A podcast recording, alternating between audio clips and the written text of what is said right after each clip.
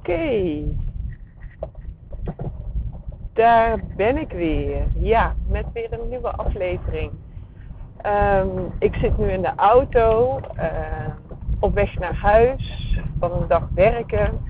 En voor degenen die, uh, die het niet weten, ik werk als geestelijk verzorger in een verpleeghuis. En um, ik heb humanistiek gestudeerd, dus vanuit mijn studie ben ik een humanistisch geestelijk verzorger. Maar uh, nou ja, eigenlijk met alle ervaringen die ik uh, als mens heb opgedaan, uh, vind ik mezelf eigenlijk meer een soort van hybride vorm geworden. En, ehm, en nu denk je misschien, oh mijn god, waar heeft ze het over? Ehm, nou, ik zal kort een beetje vertellen hoe dat in zijn werking gaat in de wereld van de geestelijke verzorging en wat geestelijke verzorging nou eigenlijk is. Um, daarvoor moet ik een klein beetje uh, de geschiedenis in, want uh, geestelijke verzorging is een vak. Uh, laat ik het anders zeggen, het recht op geestelijke verzorging is grondwettelijk vastgelegd. er, is een, oh, er is een artikel in onze grondwet die stelt dat iedereen ten alle tijden in staat moet zijn om zijn eigen levensbeschouwing of godsdienst te kunnen uitvoeren. En in situaties waarin dat dus niet vanzelfsprekenderwijs kan, moeten daar uh, voorzieningen voor geboden worden. Dus uh, om het even heel simpel te maken, uh, als ik christelijk zou zijn en ik ga altijd naar mijn eigen kerk toe, Um, en ik kom in het ziekenhuis te liggen of um, ik kom in de gevangenis terecht bijvoorbeeld, dan uh, ben ik niet in staat om naar mijn eigen kerk te gaan uh, en op die manier dus op mijn uh, uiting te geven aan mijn geloof. Dus dan moet de instelling waar ik terecht kom iets bieden om, nou ja, om mij even goed mijn geloof uit te laten oefenen. Dus van daaruit zijn er geestelijke verzorgers gekomen in alle zorginstellingen, of alle zorginstellingen, veel zorginstellingen. Um, en dus ook bijvoorbeeld bij Defensie, TBS-klinieken, um, gevangenissen en dergelijke. En ook bij de krijgsmacht. En bij de krijgsmacht is dat omdat van oudsher er natuurlijk een dienstplicht was, waarin, uh, nou ja, waarin je ook niet zelf gekozen had om um, niet op je eigen manier je godsdienst of levensbeschouwing te kunnen uitoefenen. Dus uh, dat, uh, uh, zo is eigenlijk het recht op geestelijke verzorging is dus eigenlijk verankerd. En vanuit die verankering is ook een koppeling ontstaan met zendende genootschappen. En ehm, zendend genootschap kan zijn de kerk, zowel katholiek als protestant. en voor humanisten is dat het humanistisch verbond. Um, en het grappige is dat ik nu eigenlijk niet eens meer precies weet. Ik ben gewoon begonnen met kletsen en ik weet eigenlijk niet eens meer precies waarom ik dit nou zo nodig wilde vertellen. Ik had het over uh, uh, wat ik mijzelf nou voel. Ja, dus uh, vanuit die zending is het best wel belangrijk om een bepaalde identiteit te hebben. Terwijl ik geloof dat we ook in een tijd zijn aangekomen waarin ehm, ja, waarin we los mogen komen van dat soort dogmatische structuren. En het humanisme uh, gaat, eigenlijk gaat er eigenlijk van uit dat er geen hogere macht buiten ons is, maar dat we het als mensen hier op aarde moeten doen en dat we verantwoordelijk zijn voor onszelf, dat we die verantwoordelijkheid niet kunnen afschuiven op, uh, op een god of een, uh, of een profeet of wat dan ook. Uh, en op zich genomen ben ik het daar wel heel erg mee eens. Alleen geloof ik wel dat er een universeel bewustzijn is. En dat universele bewustzijn, waar eigenlijk alles van doordrongen is, dat, uh, dat zou je God kunnen noemen. Uh, en het fascinerende is dus ook dat ik op mijn werk eigenlijk heel makkelijk in gesprek kan met ook hele gelovige mensen.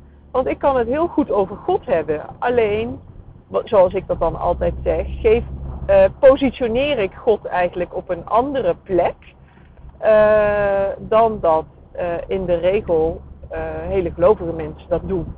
Dus ik positioneer God als zijnde in ons, als, ehm, nou ja, als onze ziel. En niet zozeer een macht buiten ons. En um, ik heb dus ook het gevoel dat God door mij werkt. Omdat, uh, ja, omdat, ik, uh, omdat ik deel ben van die energie. Uh, en dat is denk ik op zich genomen een onderwerp voor een, een heel onderwerp voor een andere podcast. Ehm, maar goed, dus ik ben dus aan het werk als geestelijk verzorger, humanistisch geestelijk verzorger volgens het officiële plaatje. Maar ja, eigenlijk heb ik er dus ook wel een beetje moeite mee om mezelf uh, in het hokje van de humanisten te plaatsen. Um, maar als geestelijk verzorger dus ben je er eigenlijk voor mensen om geestelijke zorg te bieden. En van oudsher was dat dus heel erg georganiseerd binnen de godsdiensten en georganiseerde levensbeschouwingen. En het grappige is dat daardoor ook het beeld bij heel veel mensen ontstaan is dat geestelijke verzorging altijd moet gaan over geloof. Uh, wat, welk geloof dat dat ook mag zijn. En dat is dus een overtuiging die ik heel erg probeer te ontkrachten. Uh, want mijn visie is namelijk dat we allemaal mensen zijn met een fysiek lichaam. En daarvoor hebben we natuurlijk artsen. We hebben een mind en daarvoor hebben we een psycholoog. Oké, dit is een ernstig bestempelde weergave van de werkelijkheid natuurlijk, maar jullie snappen wat ik bedoel. Maar er is ook nog iets wat alles bij elkaar houdt. Is ook nog iets wat ons tot leven maakt. En dat is uh, volgens mij onze bezieling. Um, en die bezieling, dat is bijna een soort van, uh, nou ja, de lijn tussen het lichaam en de mind zou je bijna kunnen zeggen. En iedereen heeft dat en iedereen kent dat. Want als je dat voor het eerst hoort, dan denk je misschien, ja, bezieling, ja, zal wel, maar uh, wat. Maar denk eraan als je een uh, prachtig liedje op de radio hoort, waarvan echt de haartjes op je armen overeind gaat staan. Of je kijkt naar een schitterende zonsondergang. Of um, er, komt, landt even een vlinder op je arm. Of, nou ja, hè, of je ziet een regenboog. Nou, er zijn zoveel voorbeelden te noemen. Waarbij je wat, je, wat gewoon iets diep binnenin jou aanraakt. Of als je een gedicht hoort en je, je voelt het over heel je lijf. Nou, dat is, dat is je bezieling die dan aangeraakt wordt. Dus we zijn allemaal bezielde wezens. Of we nou gelovig zijn of niet. Als we leven, zijn we bezield. En natuurlijk, niet iedereen staat in contact met zijn of haar bezieling. Maar goed, ook dat is weer uh, een ander onderwerp eigenlijk. Dus geestelijke verzorging gaat voor mij over zorg voor de ziel. En aandacht voor de ziel en wat de ziel nodig heeft. En uh, waar de ziel om vraagt ook. En vanuit die visie op geestelijke verzorging is geestelijke verzorging dus ook letterlijk voor iedereen. Uh, dus ja, dus ik, ik bied geestelijke verzorging in een verpleeghuis waarbij ik dus in gesprek ga met, uh, met bewoners, uh, met hun naasten, maar ook met zorgmedewerkers en net zo goed met management en collega's, maakt me allemaal niet uit. Het zijn allemaal mensen, het zijn allemaal bezielde wezens, dus komen allemaal in aanmerking voor. Uh, en die gesprekken die gaan dan eigenlijk over, ja, over, over hoe mensen het leven beleven.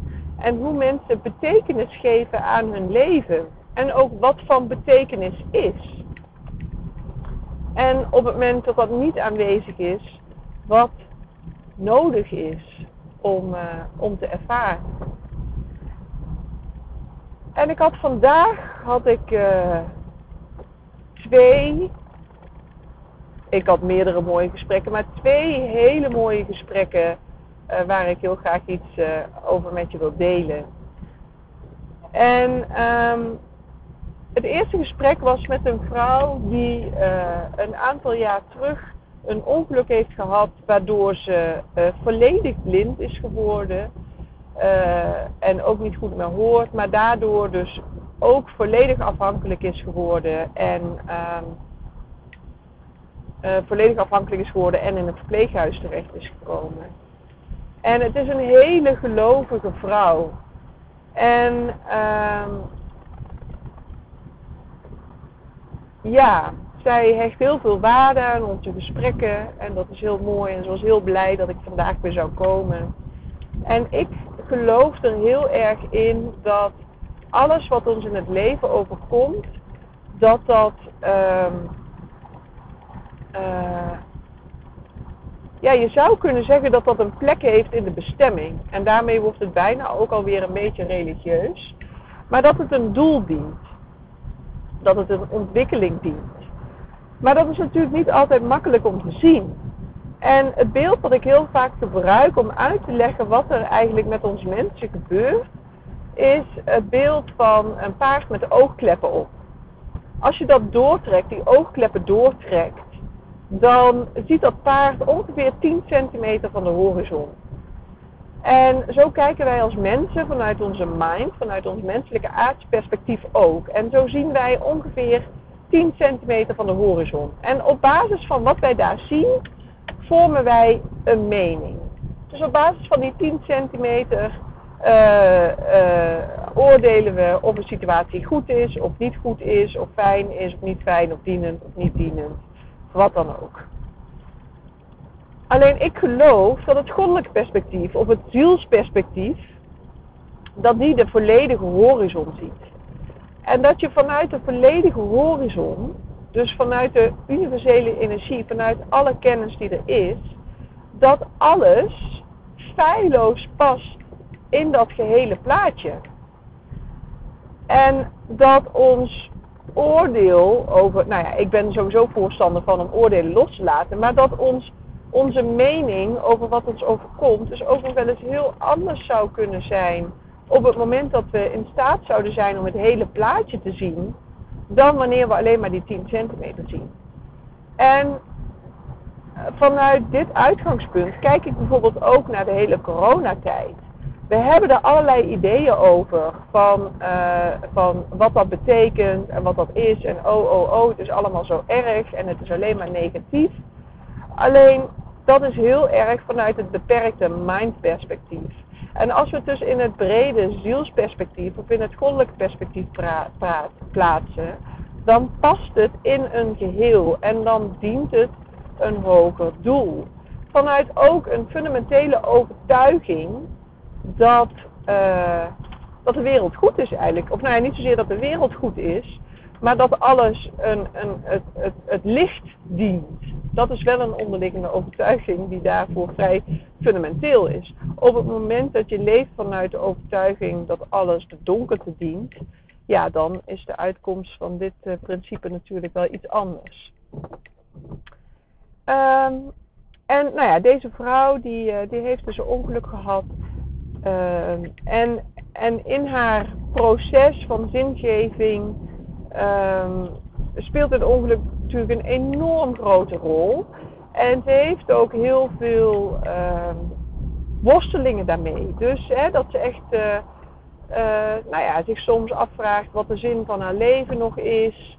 Of dat ze, ehm, dat ze zich afvraagt wat de zin van haar leven nog is. Of dat ze nou ja, hele depressieve of sombere stemmingen heeft. Uh, omdat ze weer wakker wordt en het weer donker blijft. Uh, en daar worstelt ze heel erg mee. En het was zo prachtig, want vandaag in ons gesprek, toen vertelde ze dat ze sinds dat ze niet meer kan zien, dat ze anders is gaan luisteren. Dat haar gehoor anders is geworden. En dat ze eigenlijk al meteen kan horen of uh, iets of iemand uh, past nou ja, past, niet past, dienend is aan haar of niet dienend is, of zuiver is aan haar of dat niet is. En uh, dat ze daar dus eigenlijk ook veel fijngevoeliger voor is geworden eigenlijk. En ik vond het zo prachtig dat ze dit benoemde, omdat dit eigenlijk de eerste keer was dat ze uh, iets benoemde waarin haar leven ten goede eigenlijk is veranderd naar aanleiding van het ongeluk. En het is voor haar nog even een brug te ver om te stellen dat het ongeluk een zegen is geweest. Ehm, maar het brengt wel al veel meer zachtheid naar wat ze ervaren heeft. Ehm, dus dat was heel mooi om dat te horen. En eigenlijk uh, was het tweede gesprek wat ik vandaag had, uh, had een beetje een vergelijkbaar karakter. Nog een vrij jonge vrouw, uh, in de zin van 62, vrij jong om in een verpleeghuis te wonen, bedoel ik daarmee. Ehm, maar heeft een broertje gehad en is daardoor dus ook zorgafhankelijk geworden. En deze vrouw heeft heel veel moeite met uh, het accepteren van waar ze in zit. En ook bij haar werd zo mooi duidelijk dat, uh, dat ik zei op een gegeven moment tegen haar van ja, je zit in een proces. En daar reageerde ze eigenlijk een klein beetje kribbig op. Omdat ze zei van ja, ja, alles is een proces, maar eigenlijk gaat alles te langzaam en, en ik wil dit niet. En nou ja, um, het werd heel duidelijk eigenlijk uit haar woorden dat ze in een enorm gevecht zit ook. Um, en in een gevecht zit waar ze eigenlijk helemaal niet in wil zitten. Dus ook met haar had ik het over dat beperkte perspectief vanuit onze mind. Um, en het brede perspectief. En ja, het, het vinden van een soort van uh, rust en vertrouwen dat ook dit iets gaat brengen.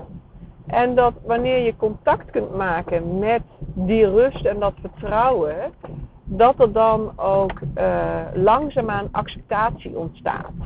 In de eerste plaats acceptatie van een situatie, maar eigenlijk op een veel dieper niveau nog acceptatie van haarzelf.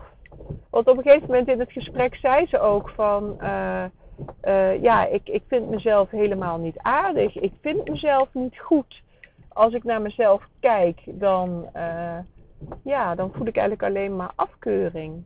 En in diepste zin is alles wat er gebeurt misschien wel zelfs een uitnodiging uh, voor uh, zelfliefde en accepteren van wie je bent in het diepst van je zijn.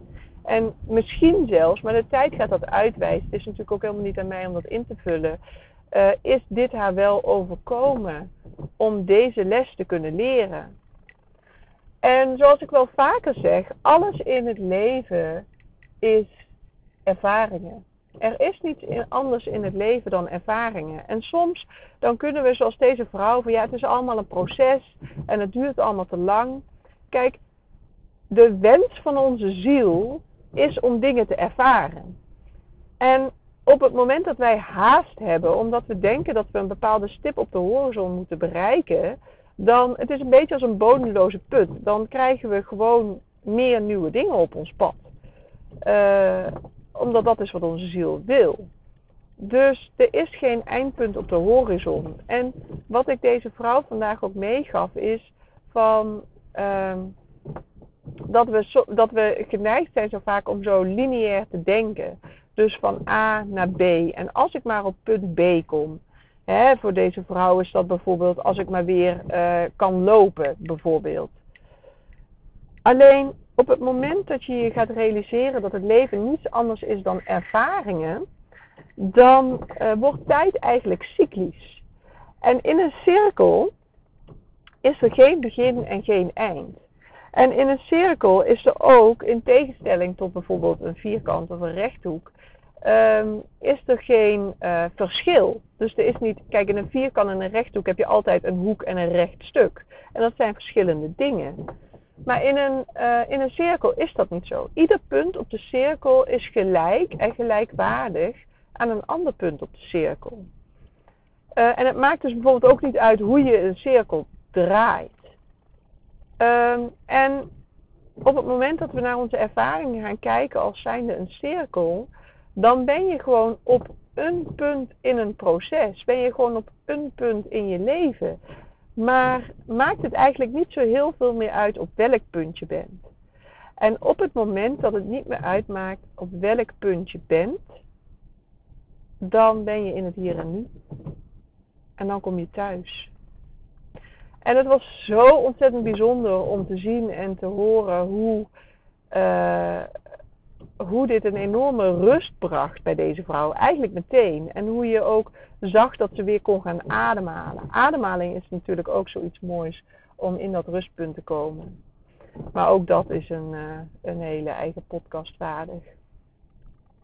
Dus uh, ja, dit waren twee hele bijzondere gesprekken die ik vandaag mocht voeren met ja, een paar ontzettend mooie inzichten die heel erg raken aan, uh, aan onze essentie, aan wie we werkelijk zijn. Die ons terugbrengen daar naartoe. En uh, ja, dat wilde ik heel graag vandaag met je delen. En ik ben heel benieuwd uh, wat er bij jou resoneerde. Wat, wat in jouw essentiële zijn, wat van jouw ziel hierop aanhaakte. Dus superleuk als je dat wil laten weten. En voor nu bedankt voor het luisteren. En ik wens je nog een hele mooie dag. Satnam.